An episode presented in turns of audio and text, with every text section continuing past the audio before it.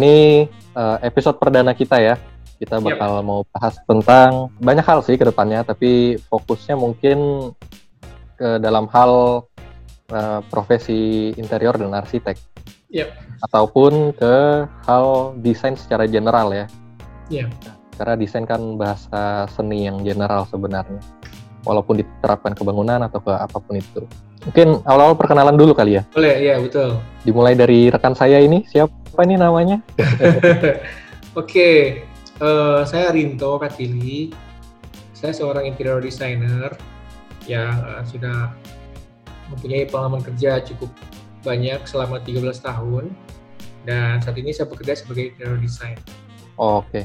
Uh, eh, status status. Status apa ini? Pekerjaan atau?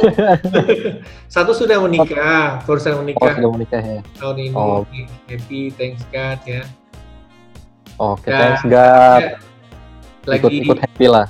Ya udah happy hari hari ini bisa menikah dan sekarang saya uh, lagi merintis usaha sendiri di bidang interior design dan juga uh, mantap seperti itu. Jadi hari ini malam hari ini kita pengen bahas ngobrol-ngobrol tentang seputar dunia arsitektur dan interior.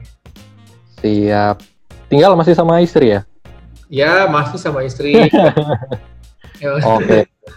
Uh, mungkin sekarang giliran gua ya. Ya, giliran Bro. Uh, gua nama gua Marco Martinez. Yep. Uh, beda sama Rinto, mungkin profesi gua arsitek tapi kita masih yeah. saling berkaitan lah ya arsitek dan oh. interior. Gitu uh, sampai sekarang masih bekerja sebagai arsitek. Hmm. ya begitu aja lah mungkin. Oke. Okay. gimana nih? Langsung ya masuk pertanyaan ya. Ya silakan. Jadi silakan uh, Bro Marco kita tanya jawab seputar arsitek interior. Dari pertanyaan pertama. Hmm. ke saya kita, kita santai dulu ya pengenalan.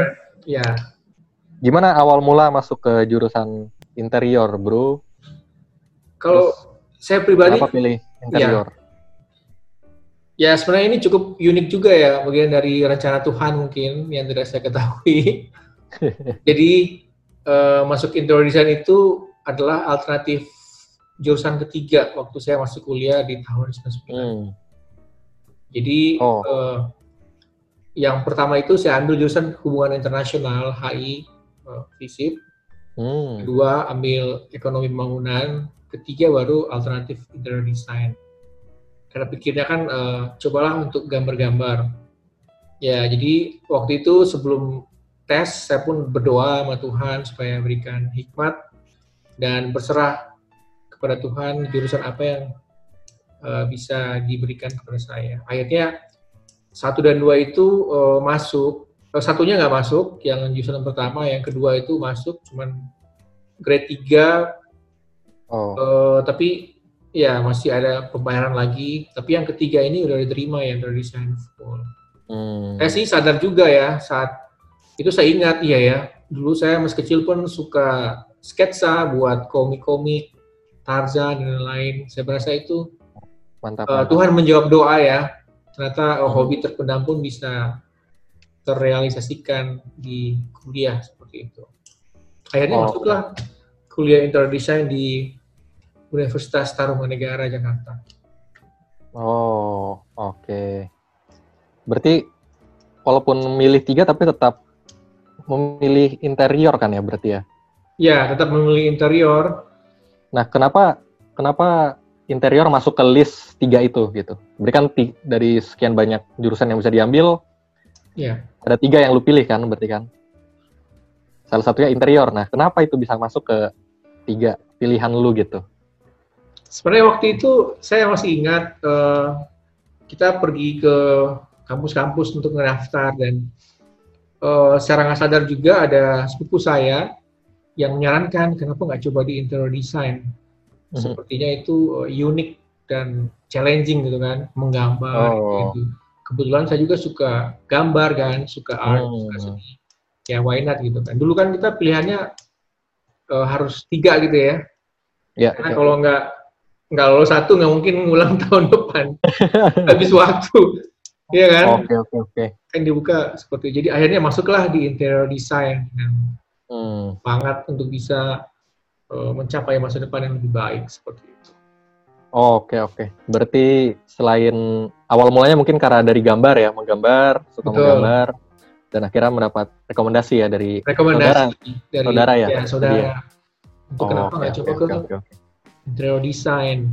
Mungkin waktu Oke, itu masih oke. unik ya, atau masih baru. Sekarang pun masih jarang ya jurusan uh, spesifik interior design. Jadi Iya iya. uh, tantangan tersendiri ya.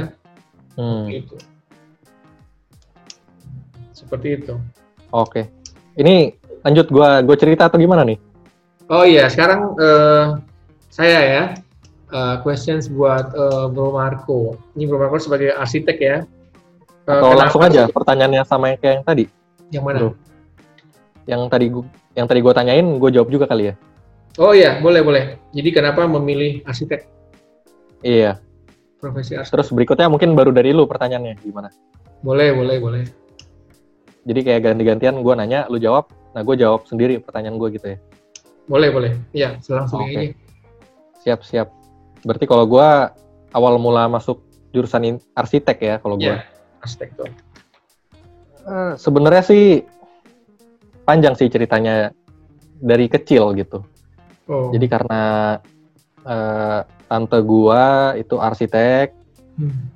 terus tante gua yang satu lagi interior Hmm. gitu. Jadi pas kecil lagi main-main lah ke ke kantor tante ini yang satu ini gitu kan. Iya. Terus ngelihat ada satu gambar ini, gambar denah gitu bro, Oh, wow. gambar denah. Karena gua waktu kecil emang suka gambar juga dan suka berimajinasi gitu.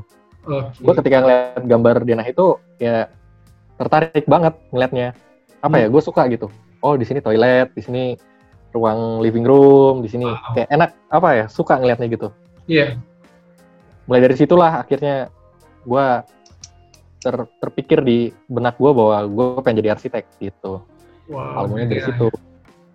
Jadi emang udah dari kecil sih. Terus suka gambar juga dan lain-lain. Terus sampailah ke eh, eh, sekolah menengah atas ya SMA ya. Iya, SMA. nah, di SMA gue juga eh, ya karena dasarnya suka gambar terus di situ juga ada pelajaran tentang gambar perspektif dan geometris gitu Hmm, iya. iya. jadi yang diajarin apa satu titik poin perspektif Titik satu hilang. titik Dua perspektif. titik, dua titik hilang tiga titik seperti itu ya. ya nah di situ gue ngerasa apa ya gue ngerasa nangkap gitu kayak gue ngerti lah beda sama teman-teman yang lain mungkin agak agak susah gitu Kan susah memahami. meng- meng- mengimajinasikan ruangan gitu ya Betul. secara geometris nah bagi gue bagi gue itu gampang nah Wow. itulah makin makin Excited. ya makin excited lah masuk arsitek terus akhirnya ya udah hanya satu tujuan gua itu arsitek Dari SMA ya. Berarti Dari- ya, dari dari kecil itu umur berapa, Bro Marco? Dari kecil umur berapa kira-kira? Gua sebenarnya udah nggak inget sih waktu itu gua umur berapa gua hanya inget itulah kejadiannya Nah, ya. mungkin mungkin kira-kira kira-kira SD kali ya Udah ya. ya karena gua udah udah cukup dewasa untuk mengingat juga tapi gua masih ingat juga kalau gua masih kecil lah gitu Hmm, hmm. Mantap. gitu nah jadi yaudah gue cuman satu tujuan gua gue pengen masuk jurusan arsitek Wow, Nah, di carilah. Jadi, kuliahnya di mana? Ya. Ini? karena gua berpatokan pada pada jurusan dulu Hmm, Nah, jadi gua oke jurusan arsitek, universitas mana nih yang oke gitu kan. betul. Jadi kebalik. Kalau mungkin kebanyakan orang melihat universitasnya dulu, baru jurusan apa yang bagus di universitas itu gitu kan. Hmm, hmm. Kalau gua dibalik, gua oh arsitek, universitas apa nih yang bagus? Oke. Nah, akhirnya ada beberapa pilihan. Eh, masuknya waktu itu gua dari ke Unpar masuknya Parahyangan, Parayangan di ya. Bandung. Bandung. Ya, karena katanya bagus katanya. Iya banyak banyak yang berdasarkan yang pernah saya baca banyak arsitek yang cukup terkenal dari Unpar juga ya. Ya betul. Terus dulu dulu katanya juga ya katanya Ya. terbaik se Asia Tenggara Wow, itu masih masih legenda lah masih legenda masih legend ya. Ya kita sebagai lulusan dari Unpar juga agak serem-serem juga nyebutnya gitu kan. Bangga ya. Bangga dan sekaligus tanggung jawab ya. Harus bagus. Iya. Jadi ya katanya begitu. Oh ya udah akhirnya masuk dan ya alhamdulillah keterima. Dan Wah. akhirnya ya udah jadi arsitek. Lulus langsung tetap jadi arsitek. Ya gitulah bro jadinya. Terus Gitu kira-kira apa sih eh, suka dukanya saat kuliah arsitek? Bro Marco saat Oke. ini Parayangan dulu Unpar. Suka dukanya banyak sih. Yang Suka dulu deh. paling Kenapa kenapa?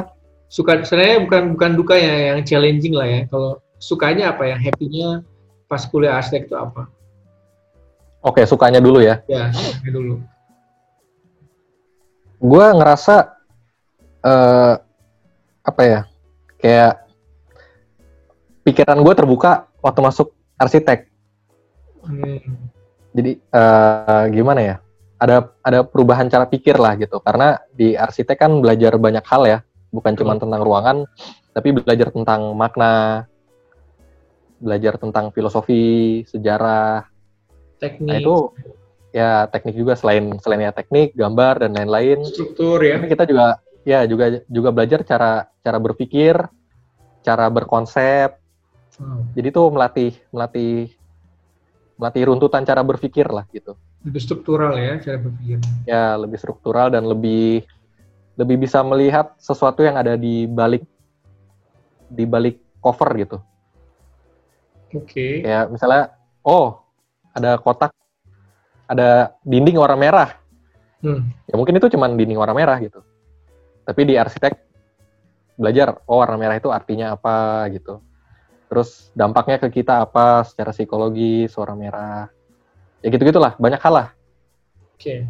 Jadi kalau misalnya saya pengen nanya ini, kira-kira belajar apa aja sih di arsitektur itu?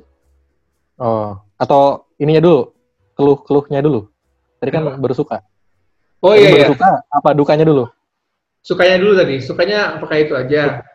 Sukanya itu sih. Ya, Ya. selain teman-teman juga dan lain-lain lah, banyak hal. Dukanya? Lebih banyak duka, lebih banyak dukanya sebenarnya. Oh ya ampun. Challenging ya, maksudnya tantangannya ya. Apa nih kira Ya. tantangannya? Yang pada umumnya sih, apa Ya. begadang, tugas, Begadang ya. Iya, karena setelah kita lulus kita juga baru ngerti kan. Ternyata dulu hitungan SKS-nya tuh nggak masuk akal juga gitu secara waktu ya. Silabus Karena kan ya. bias, iya karena biasanya kan eh, kita dalam satu semester mungkin ngambil sekitar 20-an SKS kan ya, mungkin 24, Hmm. 21, 24 lah. Nah itu kan biasanya itu normal lah semua semua semua kuliah kan seperti itu. Iya. Tapi biasanya itu kan perhitungan waktu ya. Jadi kalau mata kuliah mata kuliah 3 SKS itu berarti tiga jam dalam seminggu waktunya kan. Kuliah 3 jam. Itu emang dulu. emang banyak banyak orang bilang sih pasti jurusan arsitektur itu identik dengan begadang-begadang itu. Emang apakah harus Iya, ya? betul, Bro. Nggak boleh Harus harus. tidur teratur gitu ya? Nah, cukup Karena waktunya dari- atau gimana? Dari perhitungan SKS-nya aja udah nggak masuk. Jadi ada satu mata kuliah namanya apa? Studio. Mungkin Bro juga ada ya, studio ya. Supa Studio ya, desain. studio perencanaan. Ya, studio kampus ya. Ya, Hmm. studio lah. Nah, di studio itu kita eh, dua kali dalam seminggu. Hmm. Nah, satu satu harinya itu kita dari pagi sampai sore. Jadi seperti orang kerja. Sekitar mungkin gue lupa juga sih, mungkin 7 jam ada ya. Dan kita harus di situ gitu kan. Bekerja apa mendesain, mendesain. Itu kan berarti kalau dijumlah dalam seminggu itu sekitar 14-an sampai 16-an jam ya. Hmm. Waktu kita Oke. habis di situ. Jadi Padahal secara, begadang ya. secara hitungan iya, secara hitungan SKS tuh 6 SKS. Hmm. Harusnya 6 SKS kan 6 jam kan? Iya. Nah, jadi secara hitungan SKS pun itu udah makan waktu banyak. Belum lagi tugas-tugasnya gitu. Oke. Itu suka Jadi duka. itulah yang menyebabkan begadang. Nah, kalau misalnya apa sih sebenarnya orang pengen tahu kan atau dari kita yang Bro, gantian lu dulu dong, bro. oh gantian oke oke sekarang pertanyaan balik ke saya Iya, suka dukanya jadi interior gimana? oh nggak Lah. nanya, tanya dulu kenapa pilih interior oke Udah tadi kan? Nah, dream belum nih oh suka dulu suka dulu ya oke Oh, Ya, suka duka ya dulu. suka duka interior design itu kan bedanya dengan arsitek itu interior design ke, ke dalam ya inter, internal Hmm. dari building itu sendiri ya entah Oke. itu building rumah, office atau lain-lain. Jadi Mhm. eh, di interior itu sukanya itu bagi gue sih emang fun karena Hmm. kita belajar untuk eh, mendesain ruangan, ruangan apa aja Oh. gitu ya. Eh, jadi dan juga desain furniture Hmm. dan aksesoris. Jadi kita gimana satu ruangan itu bisa eh, nyaman, bisa fungsional. Misalnya apa ya? Misalnya ruang tamu lah ya. Bisa eh, space-nya bagus, sirkulasinya bagus, terus Oh, oke. tepat sasaran ya. Terus jarak Hmm. antara TV dengan sofa itu nggak terlalu jauh ataupun nggak terlalu dekat dan juga Hmm. jadi kita mendesain layout juga ya, denah juga gimana bisa bagus, terus Hmm. eh, elevasi juga ya, ketinggiannya itu ada standar semua kan, ada ada buku yang Human Dimension in Interior Space dan juga Time Saver Hmm. for Interior tuh handbook buat interior design. Jadi Hmm. belajar elevasinya, misalnya eh, dapur itu 85 cm, top table, eh, walking desk 75 cm. Jadi benar-benar gimana eh, manusia yang tinggal di dalamnya itu bisa nyaman, Hmm. istirahat atau untuk bekerja. Termasuk juga kita desain furniture-nya, bro. Oh. Furniture yang harus fungsional, misalnya untuk anak-anak harus ada smooth-nya di fillet, menghindari yang tajam-tajam. Terus Hmm. nyaman saat kita duduk, eh, sandaran ataupun eh, dudukan seperti itu. Oke, Dan berarti juga- suka Ya, sukanya lebih ke belajar ya berarti ya? ya sukanya Oh, lebih oke. ke ya bisa diterapkan. Hmm. Bisa- jadi kita juga eh, mempelajari warna, teori warna, terus Hmm. eh, nirmana ya, terus eh, apa komposisi seperti itu. Hmm, hmm. Jadi gimana ruangan itu benar-benar eh, fungsional, terus eh, estetika dan struktur. Ya, itu firmitas lah ya. Tas ya? Gitu. Iya. Jadi Oke, itu oke, itu sukanya dan ya Dukanya gimana bro? Saya bukan duka sih. Saya sih nggak berduka interior design. Challenging ya. Tidak berduka ya? Enggak lah, enggak enggak disali. Tantangan, tantangan, tantangan. Iya, tantangan. Challenge-nya itu ya mungkin sama ya. Kita karena banyak tugas.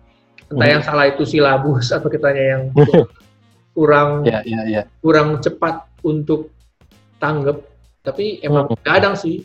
Karena memang nggak cukup iya. waktu untuk mengerjakan tugas. Betul, betul, betul. Tugas gambar Karena yang emang- begitu banyak. Memang desain kan dinamis sekali ya. Iya, apalagi dulu Sebenarnya nggak ada. masih, masih manual ya, Bro. Iya, manual. Sampai tugas akhir pun kita nggak boleh pakai AutoCAD. Oh, Jadi manual, aduh itu habis waktu dan kalau gua manual itu Lagi. mungkin semester 1 dan semester 2 aja kayaknya manual. saya Selanjutnya kan udah 99 masih cukup jadul ya. Hmm. AutoCAD belum terlalu ya? pun udah ada. Iya, Iya, iya, jadi, ya, jadi kadang-kadang kita berasa, aduh ini desain desain saya ini udah maksimal nih. Hmm. Aduh, kok kok harus dikumpul gitu kan? Ya mungkin kan Oh. itu seiring dengan jam terbang kita kita bisa lebih matang kan seorang Iya, iya, iya. desainer. Tapi soalnya desain juga nggak ada patokan selesainya sih ya bro. Betul. Beda sama apa ya? Ya pasti ada aja yang masih perlu diutak-atik lagi gitu kan. Betul. Betul. Iya. Betul banget. Emang nggak bakal pernah selesai sih sebenarnya kalau desain tuh. Benar-benar. Selesainya ketika terbangun lah gitu. Iya. Iya kan? Waktunya, deadline-nya. Iya deadline. Ya, karena terus bisa disempurnakan kan ya. Iya bisa terus terus. Belum Benar. lagi nanti ketemu ide lagi, ketemu ide yang lain. Kayaknya bagus juga begini gitu Kapan kan. dibangun ya. Betul betul itu. Iya. Make sense. Sense. Itulah makanya mungkin jadi yang begadang-begadangnya karena itu ya. Hmm. Banyak tugas. Iya. Oke. Nah, sekarang ke, ke Bro Marco. Oh Saya apa? juga. Oh Eh, Saya apa apa? gue yang nanya? Apa lu yang nanya? Ya, saya nanya jadi Oh kira-kira ya ya, boleh boleh. orang juga teman-teman kita atau adik-adik atau mungkin calon klien atau orang yang orang awam bisa Hmm. ngerti arsitek arsitek itu belajar apa sih? Ya, apa sih yang dipelajari di arsitektur? Coba. Oh oke.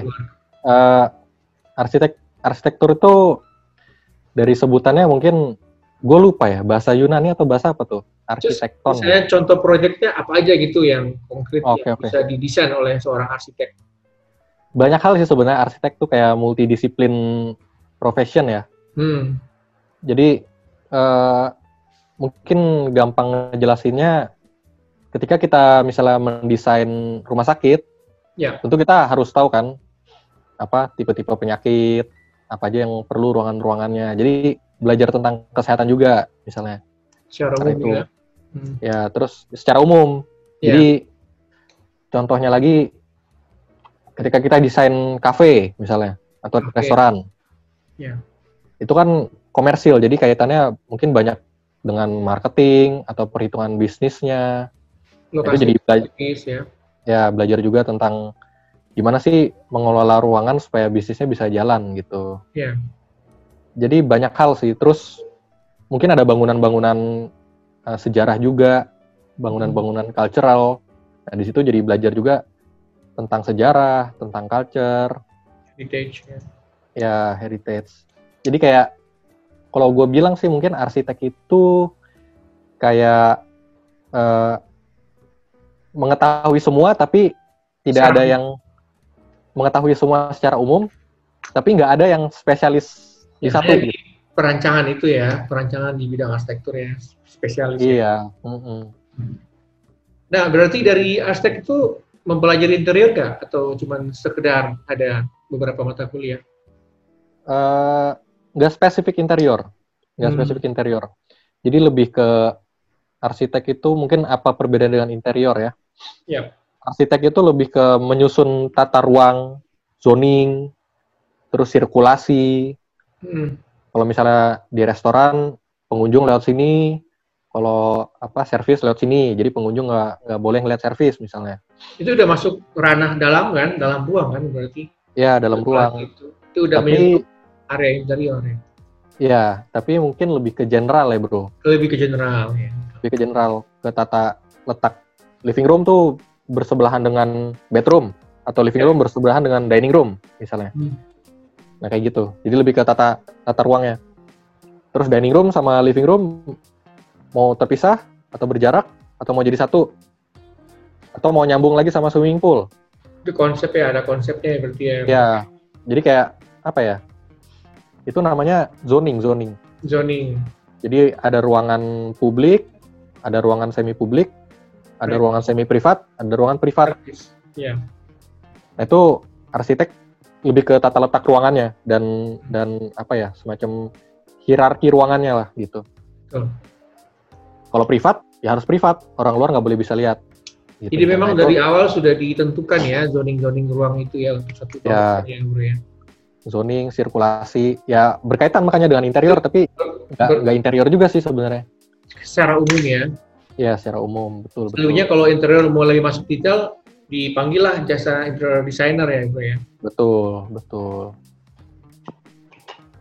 Terus itu betul. apalagi yang kira eh, proyek-proyek yang bisa dikerjakan oleh seorang arsitek bangunannya, bro?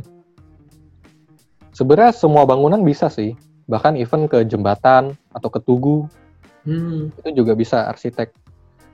Bahkan mungkin ada juga yang mencakup ke urban planning. Itu Perkotaan ya. kayak perkotaan, mendesain kota.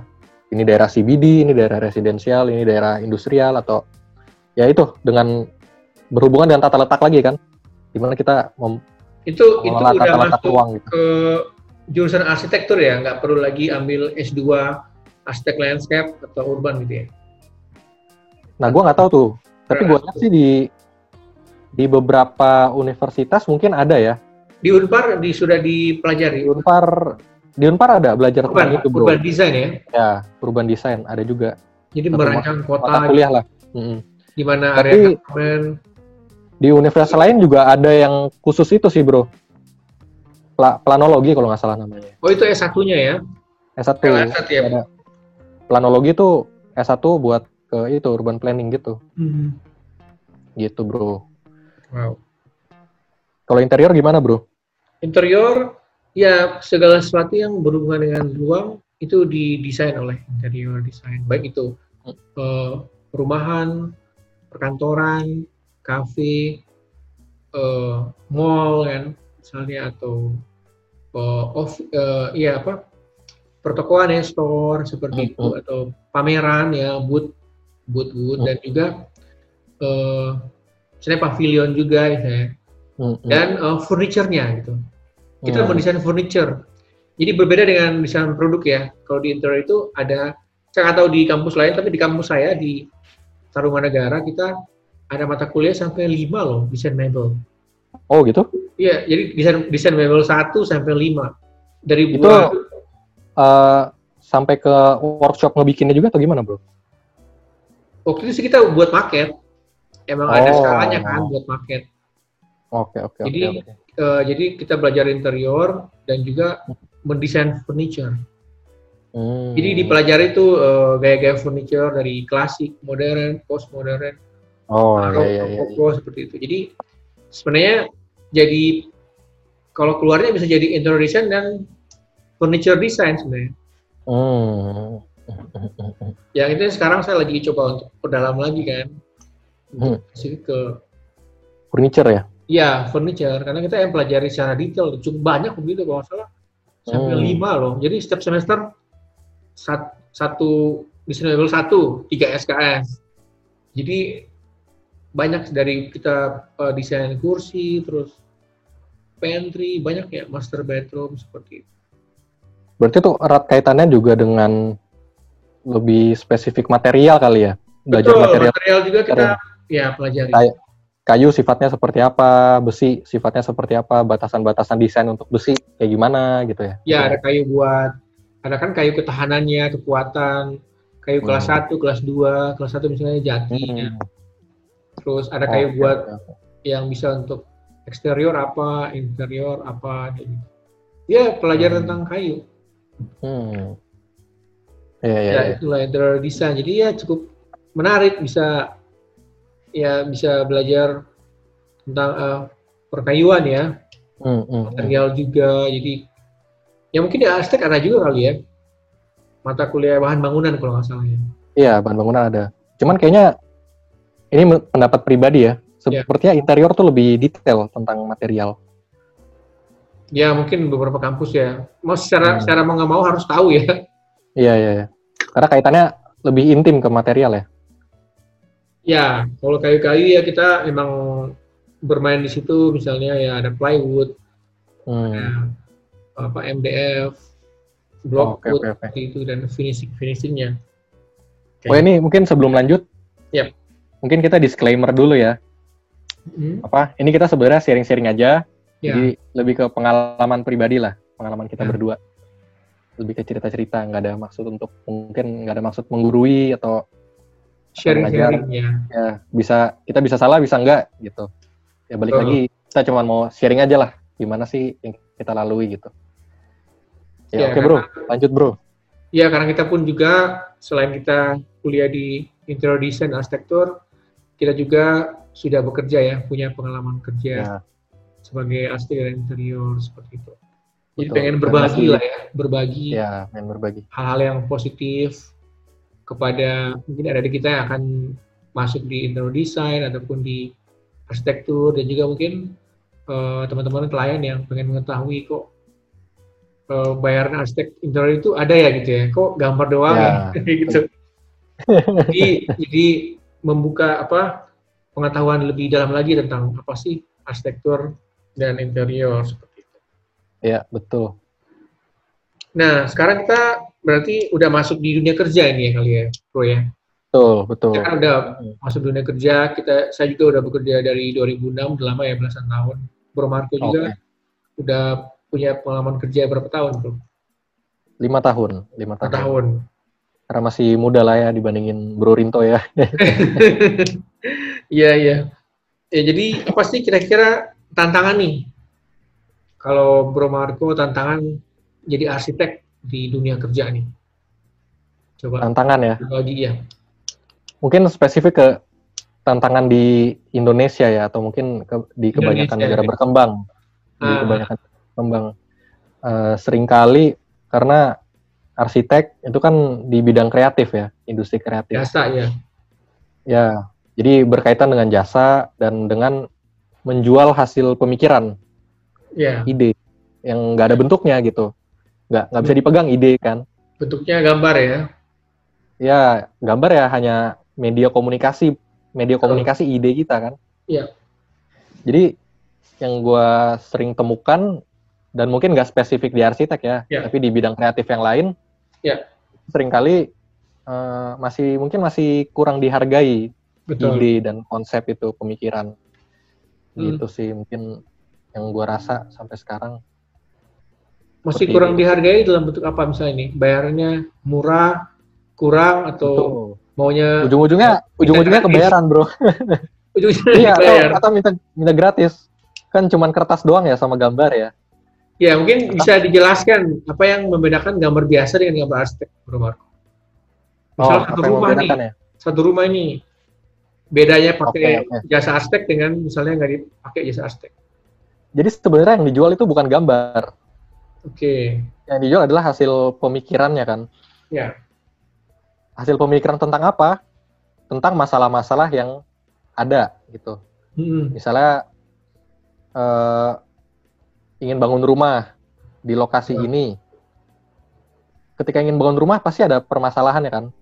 Iya. Entah itu yang dari internal ataupun dari eksternal. Kalau dari internal mungkin subjektif ya. Saya pengen yang kamar mandinya begini, bedroomnya begini, terus lokasinya begini-begini, terus saya mau mau apa? Dari luar nggak kelihatan ke dalam, pintunya di samping.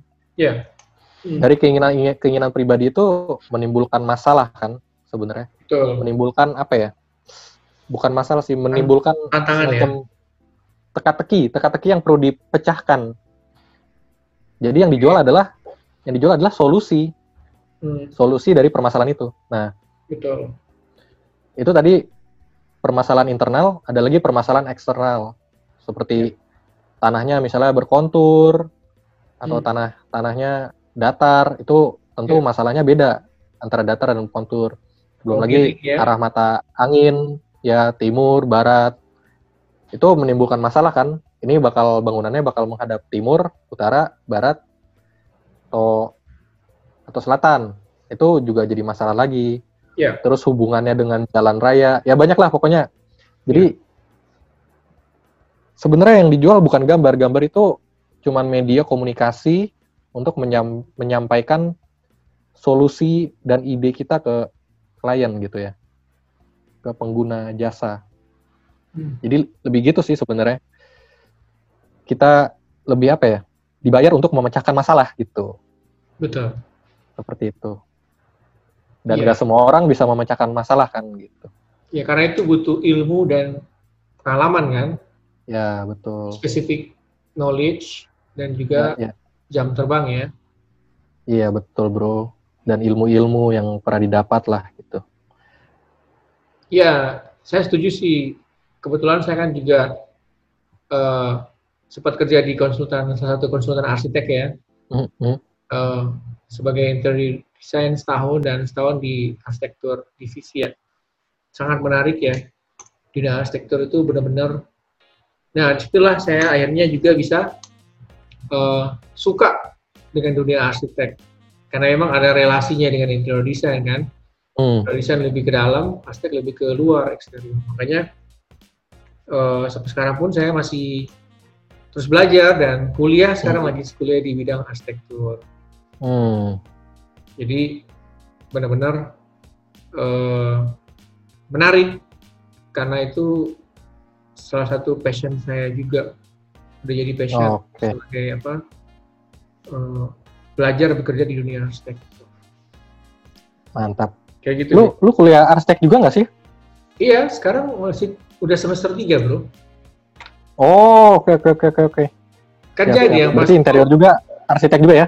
Iya, jadi menerima juga apa proyek arsitektur kan beberapa juga udah Oh, oke. terbangun ya rumah jadi. Mantap. Pengalaman di tempat kerja kita kan sekarang pun gue masuk semester 3 diambil kelas karyawan. Hmm, hmm, hmm, hmm. Jadi enak banget udah jadi kita belajar tentang ya struktur dasar lah, perencanaan Hmm. tapak, Hmm, bahan hmm, bangunan, terus sejarah arsitektur. Nanti ini semester 3 masuk di beberapa mata kuliah seperti fisika bangunan, terus Oke oke. arsitektur Nusantara nanti ya. Hmm. Udah masuk studi perencanaan 3. Studio perancangan tiga. Ya, kemarin eh, Hmm. rumah ya, compact house ya di semester 2. Semester 1, semester 1 itu buat pavilion, public hmm. uh, gitu. Nah itu gue happy banget, maksudnya thanks God lah. Emang impian gue untuk bisa uh, kuliah arsitektur. Hmm. Oke oke oke. Sekarang pertanyaan ini bro, apa sih impian impian kamu untuk jadi seorang arsitek? Impian ya? Ya, pasti dong punya mimpi ke depan, ke ke mana, okay. jadi apa, mau dapat apa. Oke. Tapi nanti lu juga ikut jawab ya? Pasti. Impiannya ada jangka panjang dan ada jangka pendek sih. Oke. Okay. Sebenarnya. Jangka panjang adalah eh mungkin jangka pendek dulu ya. Iya. Jangka pendek tentunya sebagai arsitek yang bekerja di bidang kreatif adalah itu kaitannya kan dengan ego juga ya. Betul. Aktualisasi diri dan ego karena di bidang kreatif. Jadi jangka pendek sebenarnya ingin punya firma sendiri gitu, studio lah, studio desain sendiri. Hmm. Gitu. Yang sekarang juga mungkin baru merintis ya. Yeah. Jadi baru berjalan dan belum mungkin belum belum bisa dibilang sebuah firma atau sebuah studio juga gitu. Itu jangka pendek. Jangka panjangnya adalah uh, ingin ingin punya satu desain yang membuat nama gue abadi abadi gitu. Wow. Apa? Ya meninggalkan jejak lah di dunia. Wow. Gitu ya. Apa? Jadi ada kalau kita lihat lihat arsitek lain mungkin banyak kayak oh nih karyanya si arsitek ini. Zahadid arsiteknya, ya. Misalnya Zahadid. Gak meninggal misalnya, masih.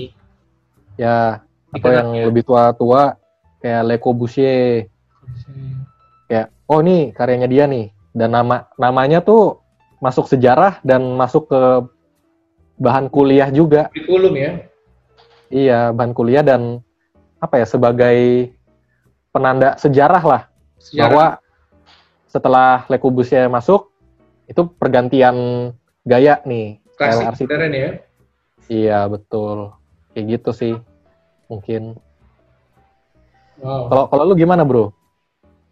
Ya, gue sekarang kan ya seperti bilang tadi bekerja sebagai introduction dan arsitek juga. Arsitek juga lagi perdalam dengan sekolah untuk dapat SKA ya. Kita harus sekarang kan pendidikan ya, lima ya. tahun ya betul uh, betul arsitek kalau di bidang interior sih yang pasti gue pengen ada kepuasan klien bisa puas saat hmm. uh, space mereka ya atau rumah mereka itu terwujud dengan hmm. keinginan dia dan dia bisa happy dan dia bisa bekerja dengan maksimal, tinggal maksimal atau punya quality time dengan keluarga di rumahnya dia. Jadi ada kepuasan. Apalagi kan kalau kita membangun rumah atau ruangan itu kan pasti renovasinya akan lama ya, bisa lima tahun, 10 tahun, ya, atau ya. juga. Jadi itu kan cost ya, costly ya.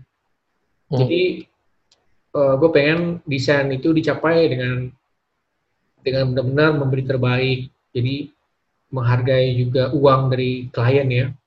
Ya betul. Uh, jadi jangan mereka udah habis uang banyak ya desain kita kurang oke okay gitu kan secara hmm. fungsional atau estetis seperti itu dan itu satu kepuasan buat gue. Selain juga ya dikenang juga oh ini desain siapa? Desain saya gitu. Wah. Ya, ya. kayak gitu. Dan itu impian ya impian juga. Kalau di arsitektur mungkin sama juga ya pengen pengen apalagi kalau arsitektur kan eksterior gampang dilihat ya. Dari jalan ya. kelihatan dari gunung ya, pun kelihatan. dari pesawat pun kelihatan. Oh itu foto-foto. Iya itu ikonik ya kelihatan. Ya, kayak gitu. Kalau internet kan harus masuk dulu kan misi ke itu ya, ya, misi ya, ke yang punya rumah jadi pengen juga punya satu bangunan yang ikonik ya hmm. yang benar-benar itu apa ya ada identitasnya ciri khas identitas karakteristik kalau, kalau, Kenapa? Kalau ngelihat kalau kalau ngelihat langsung wah nih Rinto nih gitu ya. Oh iya, langsung eh siapa ya ada kalian lagi kan kayak gitu.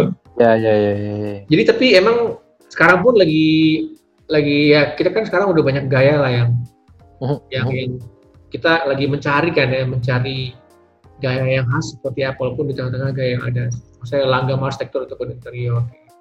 Uh-huh. Jadi gue pribadi sih berpikir seperti itu dan ya pasti ada kepuasan sendiri ya saat ide kita dalam bentuk pemikiran dan gambar tertuang di uh, fisik Visi kenyataan ya. Kenyataan di material itu. Wow. Apalagi ya, ya, kalau ya. bangunan pun bisa puluhan tahun kan, bisa ratusan tahun. Mungkin oh, itu maksudnya lebih cepat ya. Umur umur dipakainya ya? Ya, umur pakai. Ya, ya, ya, ya. ya. Itu kan uh, luar biasa banget seperti itu. Ya, gue pribadi Betul. juga pengen apa? Pengen medicine furniture juga. Lagi coba untuk mulai ini startnya gimana gitu. Karena kan nggak hmm, sia-sia belajar sampai lima mata kuliah desain mebel. Ya, Jadi ya. mau desain kayak Le, Le Corbusier pun ada juga kan desain mebel mereka kan, furniture kan? Iya iya iya iya. Ya, dia kan? Desain mebel ya. juga dia. Sebenarnya semuanya berkaitan sih gitu. Hmm. Jadi pengen juga oh, desain satu apa furniture yang benar-benar bagus gitu. Hmm. Gue sih kepikir untuk mengangkat citra Nusantara gitu kan kayak akan budaya. Ya. Jadi uh, gimana bisa mensinkronize Indonesia-nya itu gak hilang gitu. Hmm. Walaupun misalnya modern, entah itu ada apa sedikit ornamen ataupun bentuk yang yang lebih hmm. spesifik seperti itu. Ya, ya, ya, ya. Ya impian juga sama dengan Bro Marco sekarang lagi ngerintis usaha juga masih UMKM ya. UMKM ya, small gitu. Jadi ya. jadi apa uh, pengen punya apa ya studio sendiri terus. -huh. Gue sih emang harus namanya mimpi aja ya kita harus taruh tinggi tingginya kan. Ya. Kita bisa lebih semangat ya pengen apa desainnya saya itu lebih go internasional. Hmm, hmm. Kemarin kan tesis yang saya buat kan pas ambil apa bis itu yang di konsultan kita adalah tentang gimana kita bisa apa go internasional. Ya nggak gampang kan, hmm. kan harus lokal pun kita juga harus baik harus baik seperti itu ya. Tujuannya sih ya, ya. untuk bisa memperkenalkan apa desain Indonesia nih kayak gini nih gitu. Hmm. Ada ciri khasnya, misalnya kita lihat kayak ada Skandinavia Design kan dari nama negara kan Skandinavia. Ya, ya, ya. Kenapa nggak Indonesia Design Nusantara itu kayak gimana? Ada identitasnya lah gitu ya. Ya, jadi kita bisa ya, ya, ya, ya. bisa membawa harum apa nama nama negara. Nah ya, kayak gitu. Hmm. Itu. Penting itu bro. Iya, itu pasti uh, pekerjaan yang mulia kan. Iya, betul betul. Seperti itu. Oh, Oke. Okay. Karena memang apa ya interior dan arsitek kan mungkin masuknya ke masuk ke seni juga ya. Seni terapan deh apply art. Nah, dan sen, nah yang namanya seni itu pasti ada culture yang dibawa di situ kan. Betul. Jadi uh, bentukan seni itu ya pasti harusnya menggambarkan culture-nya gitu. Benar, benar, benar. Benar banget. Gitu. Di mana ya. kita berasal ya, kita dari Indonesia, pasti ya, ada betul. budaya Indonesia dalam desain kita gitu ya kita bisa ya. perkenalkan dan bangsa bangsa yang memiliki budaya yang kuat ya dilihatnya dari seninya betul kan betul kalau seninya kuat oh ini berarti bangsa kuat nih budayanya iya benar-benar ya setuju bro itu penting bro sebenarnya benar benar oke uh, gua kali ya Iya. Pertanyaannya. ya, boleh, boleh. Uh, mungkin ini pertanyaan uh, terakhir kali ya. Oke. Okay. Uh, eh, kalau lu bisa berpesan ke orang-orang orang-orang yang mungkin di luar profesi kita, apa yang mau lu sampaikan tentang profesi interior ataupun arsitek?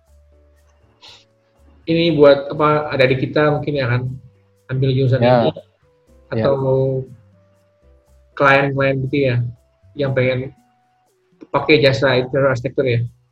Iya, uh, mungkin secara general baik itu untuk adik-adik yang mau masuk jurusan ini ya. ataupun untuk orang-orang yang mungkin lagi berpikir untuk menggunakan jasa jasa, jasa interior arsitek ataupun mungkin orang-orang yang tidak memerlukan jasa itu tapi sekedar sekedar pengamat aja pengamat gitu. Oke, dua ya. Ya, arsitektur interior ya. Ya kalau saya pribadi sih untuk adik-adik dulu ya, adik-adik uh, tercinta kita mungkin yang lagi pengen uh, kebingungan gitu ya. Yang pasti ambil apa interior apa arsitek nih? Uh, mungkin interior, interior ya? kali ya. Interior. Kalau interior sih yang pasti uh, happy lah pasti. Kalau yang penting harus suka suka gambar dulu ya. Walaupun nggak bisa gambar pun nggak apa-apa bisa belajar. Yang penting kita uh, suka berimajinasi untuk menciptakan sesuatu gitu. Hmm. Suka mewarnai karena ada interior itu penuh dengan warna ya, terus penuh dengan bentuk dan ya pokoknya suka suka menggambar lah kayak gitu. Dan juga uh, suka atur tata letak gitu interior biasanya seperti tata letak yang mulainya dengan tata letak. Jadi kalau pengen ke interior itu harus punya itu uh, sense of imagination untuk membayangkan sesuatu dari ruangan kosong jadi ada gitu dengan warna apa oh, apa. Walaupun ruangannya belum ada ya bro. Belum ada, gelap ya, menghayal dulu gitu. menghayal ya. Ya, misalnya awalan dari menghayal kan, imajinasi. Iya, iya, iya, ya, betul, betul. Terus uh, kedua harus kuat fisik ya. Hmm. Harus kuat fisik karena memang pasti akan ada begadang karena tugasnya banyak dan kita baru belajar kaget mungkin harus menyelesaikan project dalam waktu yang sangat sempit. Hmm. Harus kuat begadang, terus harus tekun juga ya, karena pasti gambar ada yang salah, ada yang kurang, dosen akan ya, ya. revisi lagi, revisi lagi. Hmm. Terus uh, mungkin siapin biaya juga ya, karena kuliah Indonesia juga nggak murah. Apa bro, alat gambar ya? Alat gambar ya, mungkin kalau sekarang ada beberapa kampus yang manual yang masih pakai meja gambar kan. Oh, iya laptop juga laptop juga mahal ya? Ya mungkin di pertengahan semester sekarang mungkin udah pakai software ya. Software ya render ya. dan lain-lain ya. Ya, jadi mungkin siapin duit juga mungkin banyak inilah prakarya gitu ya buat market, buat hmm. warna kan beli kertas, beli yeah. cat air dan lain-lain, beli alat gambar ya untuk gambar teknik. Terus uh, apa ya? Ya setelah itu jangan stres lah ya, maksudnya harus bisa pintar-pintar ngatur waktu karena hmm. kalau udah mumet ya, puyeng yang mungkin uh, istirahat dulu, jalan-jalan atau nonton film dan hmm. jadi emang ada kebosanan saat kita melakukan sesuatu kita menggambar ada mentok. Ya, ya. Mentok ya kalau mentok ya mendingan di break dulu gitu. Jadi kita bisa fresh lagi seperti itu karena satu perancangan itu nggak bisa langsung smooth, ya kan? kalau interior. Banyak likunya ya? Ya, banyak likunya dan harus cari data dan lain-lain. Yang penting suka dulu sih, jadi uh, siapin modal, siapin mental juga, mungkin uh, dosen akan ada banyak revisi-revisi, ya itu biasa gitu. Namanya kan harus belajar seperti itu. Okay. Terus uh, harus punya impian juga ya kalau mau, mau kuliah di interior punya impian ke depannya mau jadi apa apakah mau hmm. jadi desain furniture atau mau jadi kontraktor interior atau hmm. konsultan interior desain ataupun uh, ya, pebisnis ayam geprek kenapa atau jadi pebisnis ayam geprek. Iya apa aja lah. Maksudnya bisa aja kan desain desain bootnya kan. Betul betul. apa, interiornya bikin sendiri. Store-nya gitu kan. Jadi jadi jadi apa berhubungan dengan apalagi kan properti kan nggak pernah mati walaupun di tengah-tengah pandemi ada aja orang renovasi rumah interior apa. Kayak gitu. Terus uh, ya buat mungkin rekan-rekan lain yang mau untuk apa mengetahui tentang interior design ya bahwa uh, karena kan uh, orang berpikir uh, gambar itu murah gampang kan uh Ya memang benar seperti Bapak bilang, gambar itu orang apa bisa aja orang bisa gambar ya.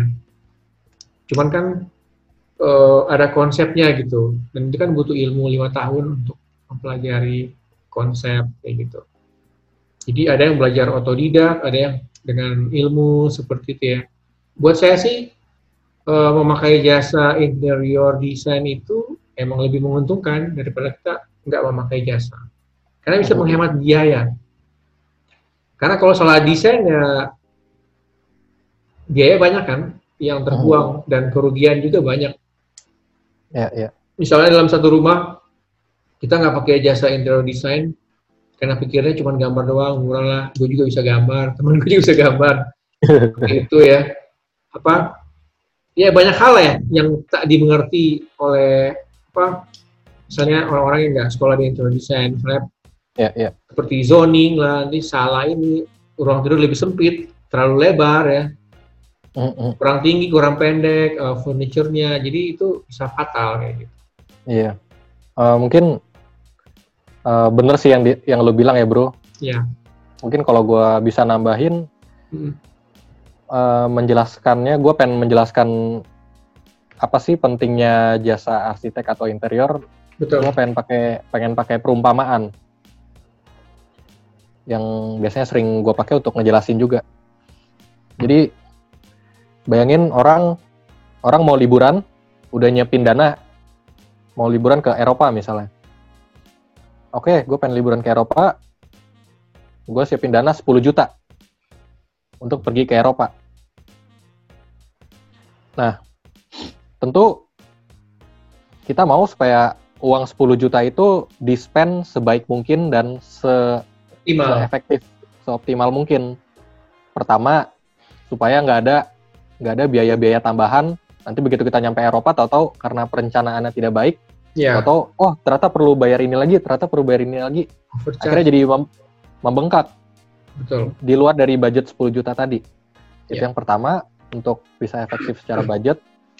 Yang kedua adalah untuk ngedapetin oke dengan 10 juta ini gue pengen dapetin experience liburan ke Eropanya seperti ini loh dengan Ya. 10 juta. Nah jadi eh, ya gue mendapatkan experience sesuai yang gue harapkan seperti itu. benar Jadi sama sama halnya dengan dengan memakai jasa arsitek dan interior.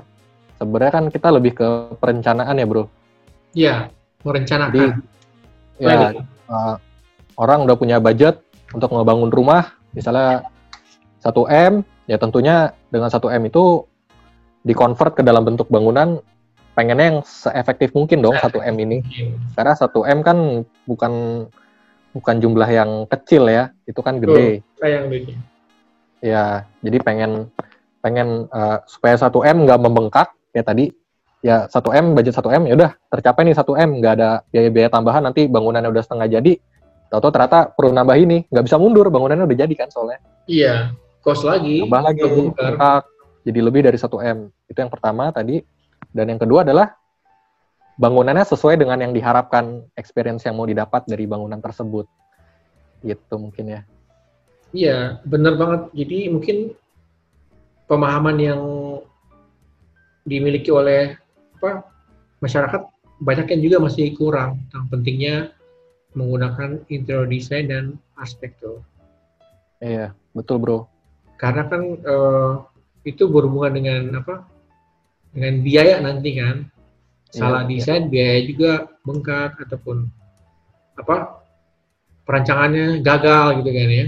ya Super banyak sih pengalaman yang saya dapatkan juga ada ada klien juga yang yang pernah datang ke saya untuk dia menyesal waktu itu dia nggak pakai arsitek Hmm. arsitektur interior Eh, kebetulan dia hanya pakai apa saudaranya yang dari yang mengerti tentang struktur lah ya oh Jadi- oke. Dan dia nggak pakai gambar sama sekali. Langsung minta tukang buatin struktur seperti ini ini. Akhirnya dia cek ke saudaranya yang ngerti teknik sipil. Wah ini bisa rubuh nih kalau tiga bangunan dengan apa tiga lantai bangunan tiga story dengan apa strukturnya kecil banget gitu. Jadi nggak ada perhitungan struktur. Akhirnya bongkar lagi dia rugi puluhan juta. Wow. Sekitar 30 juta katanya rugi. Wah, banyak banget kan. Jadi dia menyesal karena pikir ngapain ya?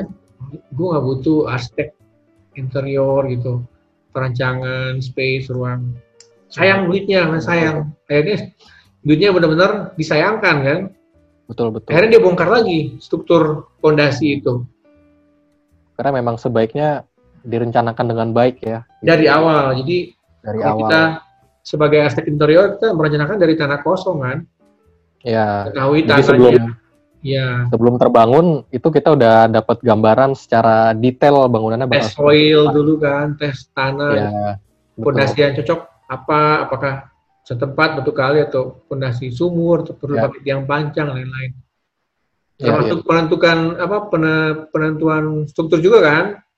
Struktur, ya, struktur. kolom. Sebenarnya gitu. struktur mungkin ada konsultan struktur ya sebenarnya. Ya biasanya sih itu. kalau di Indonesia sih lan, uh, tiga lantai harus pakai konsultan struktur. Kalau ya, satu sampai dua lantai itu cukup arsitek karena emang dipelajari seperti itu kan. Uh-huh. Jadi Karena struktur juga kaitannya dengan keamanan kan ya bro? Keamanan, safety kan. Nomor satu lah harusnya ya. Dan juga apa betonnya juga ya campurannya berapa itu kan hmm. harus ditentukan ya. Iya iya. ya, berapa ya. gitu. Jadi okay, sebenarnya apa? Ini untuk mencegah ini karena banyak kan orang nggak nggak mau tahu gitu arsitek interior ngapain hmm. gue bayar cuma bayar kertas doang sama gambar gitu. Hmm. tapi iya, itulah yeah, yeah, sebenarnya apa inti dari otak perencanaannya kan di situ kan. Betul betul betul. Gitu jadi sebenarnya tujuannya untuk bisa menjaga apalagi kalau bangunannya udah kompleks ya nggak mungkin lah kalau nggak pakai gambar ya. Ya betul. Nggak mungkin gambar di tanah ya atau menghayal di tempat langsung jadi oh di sini dinding sini. Waduh. Itu mah itu istilahnya istilahnya gambar di tanah bro. Oh gambar di tanah ya? Jadi langsung oh nih ruangan ini ruangan ini gitu. Ah itu mah benar ya rugi ya nanti rugi banget. Oh ini nggak muat. Kan juga teman yang saya ngobrol. Ya ya emang penting ya itu ya penting banget ya apa kita bisa ngerti ataupun pakai jasa interior gitu. Betul betul. Dia buat sendiri eh awalnya udah oke okay nih sini kamar sini pas lihat nih kok nggak muat ya bednya ya ranjangnya nggak ya. muat. Ada aja hal yang tidak terpikirkan lah ya pastinya. Iya karena kan seorang interior design atau arsitek pun udah mempelajari tentang dimensi perabotan yeah, yeah. itu. Jadi kita pasti ngerti uh, space yang fit. Betul betul. Um, Intinya kayak tadi kalau mau liburan ke Eropa, sebelum berangkat ke Eropa tuh udah tau lah di Eropa bakal ngapain ya. aja, bakal yeah. gimana, naik apa, terus Betul, lokasi apa aja sebelum sebelum berangkat ke Eropa itu jadi direncanakan dengan baik di Eropa akan apa? Jangan jangan jangan sampai kita udah nyampe Eropa baru mikirin nih gitu kan. Gitu. Karena emang mau balik, pengalaman saya juga ya. lagi ke Indonesia juga ya. tiket lagi kan biaya lagi kayak tadi. Jadi udah bangun setengah jadi mesti dibongkar lagi karena itu tahapannya biasa kalau dari interior arsitektur juga mungkin ada sama ya. Dari denah ya. Denah kita rancang dena setelah itu kita buatin tampaknya ya. Tampak segala sisi dan uh, sectionnya potongan. Jadi kelihatan semua itu elevasi. Terus tiga dimensinya udah cocok nggak? Setelah itu ya. masuk ke gambar kerja kan? Workshop drawing. Betul. nah dari semua gambar itu baru dibuatlah RAB rencana anggaran ya. biaya yang iya, sesuai ya, ya. dengan luasan spek material dan kerumitan dimensinya udah jelas ya material udah jelas, jelas tepat sasaran nggak mengarang paling range-nya berbeda-beda ya harga ya nah setelah itu di tender misalnya kita panggil tiga kandidat kontraktor mereka memberikan penawaran tinggal dipilihlah atau kurang mengurang tawar menawar ya. atau ada material lebih murah tapi tetap ya, ya. bagus barulah dibangun ya di jadi base, perhitungan Iya. Perhitungan RAB-nya juga bukan dari langit ya, Bro. Bukan bukan bukan apa? Bukan awang-awang di udara gitu loh. Oh iya. Kan kita mau nentuin biayanya juga gimana kalau belum ada apakah dari udara kita ambil oh biayanya segini.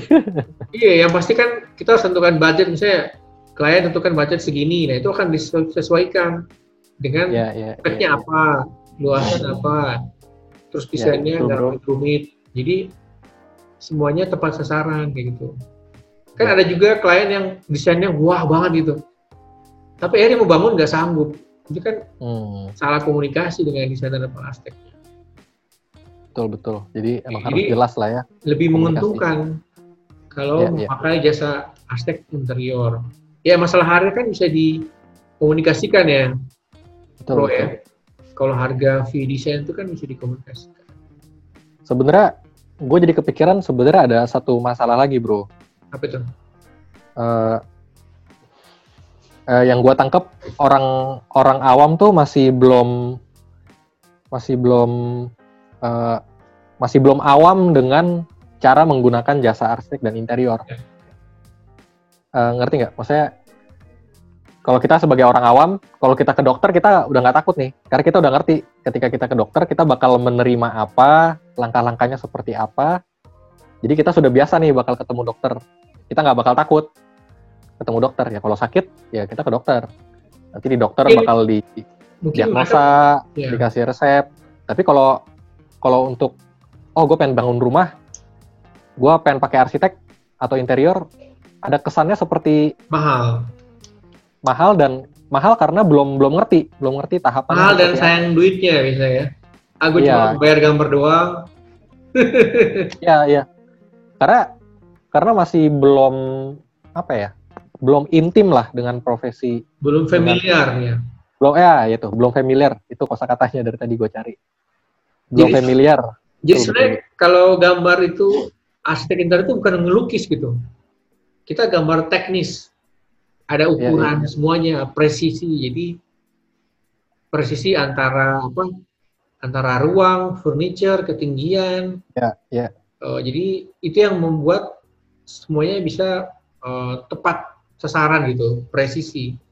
Jadi sebelum dirancang itu semua presisi dan Betul, hubungannya dengan gerak manusia semuanya. Jadi Iya. kan ada orang yang pikir ah gue bangun sendiri lah gitu akhirnya kan dia eh, nyesal gitu tapi kok jadinya gini ya Iya. akhirnya berantem sama tukang jangan sama tukang iya Jadi sebenarnya ada tugas kita juga sih sebagai orang yang berprofesi sebagai arsitek dan interior adalah untuk untuk gimana caranya orang tuh merasa familiar dengan iya dengan dengan profesi arsitek dan interior gitu. Jadi orang nggak nggak merasa takut untuk menghampiri menghampiri seorang arsitek, menghampiri seorang interior untuk ya bertanya lah paling enggak gitu kan. Gitu. iya makanya dari- makanya udah udah pernah apa mungkin merasa mahal gitu ya Ya, atau nggak terlalu worth it eh, gambar doang kayak gitu ya, ya, ya. sebenarnya kan Betul. banyak hal yang bisa yang menguntungkan bagi eh, klien yang memakai jasa arsitek interior. Iya. Kayak misalnya aja tadi kalau bangun rumah ada arah mata angin kan, Mhm, mhm. jadi arsitek juga harus menentukan eh, posisi ruang kan. Saya oh ini Nah. dari timur ke barat berarti panas kan, berarti nggak boleh Ya. taruh. Misalnya kalau boleh nggak boleh taruh tempat tidur misalnya kan dan Hmm. lain-lain seperti itu. Jadi Atau jendela gitu ya. ya banyak hal teknis yang Ya, ya. yang itu tidak bisa didapatkan kalau tidak dirancang. Betul, betul, bro. Benar kan? Iya. Dan Oke, itu kan bro. dirancang kan based on data kan, nggak Iya, iya. sembarangan. Misalkan data, buku, eh, handbook, reference seperti itu. Oke, bro. Ya, Mungkin itu kita aja. lanjut ke pertanyaan berikut atau kita sudahi? Sudahi dulu kali ya episode ini cukup ya. Oke. Ya, oke, oke. Ya, pada intinya sih kita cuman pengen sharing-sharing aja ya, bro ya. Betul. Pengen cerita-cerita eh, dan ya begitulah bisa kita bisa benar, bisa salah. Nah, ini eh, murni adalah opini kita sebagai pribadi gitu ya. Karena saya pribadi juga kita sebagai anak muda pun pengen untuk uh, memperkenalkan uh, profesi arsitek interior Ya. lebih dalam lagi gitu ke ke teman-teman mungkin yang belum mengetahui Ya. betapa pentingnya profesi dan penggunaan jasa arsitektur interior Jadi mungkin lebih ke sharing lah ya kita ya. sharing Mungkin kalau dari penonton pun yang mungkin mau sharing atau mungkin ada yang mau komen komen membantah atau tidak komen setuju yang atau atau setuju ya bisa komen di di comment section di komen yang bawah. positif ya nggak berbau sara ya jadi komen yang kritik dan saran Iya, oke Ya pokoknya ini jadi apa media untuk saling sharing lah ya. Betul dari penonton juga ada yang mau komen berkomentar ya silahkan langsung aja. Oke, Vin. mungkin Oke, itu aja gitu, ya bro. Oke. Ya, paling tutup. eh, ya semoga membantu eh, channel ini kita.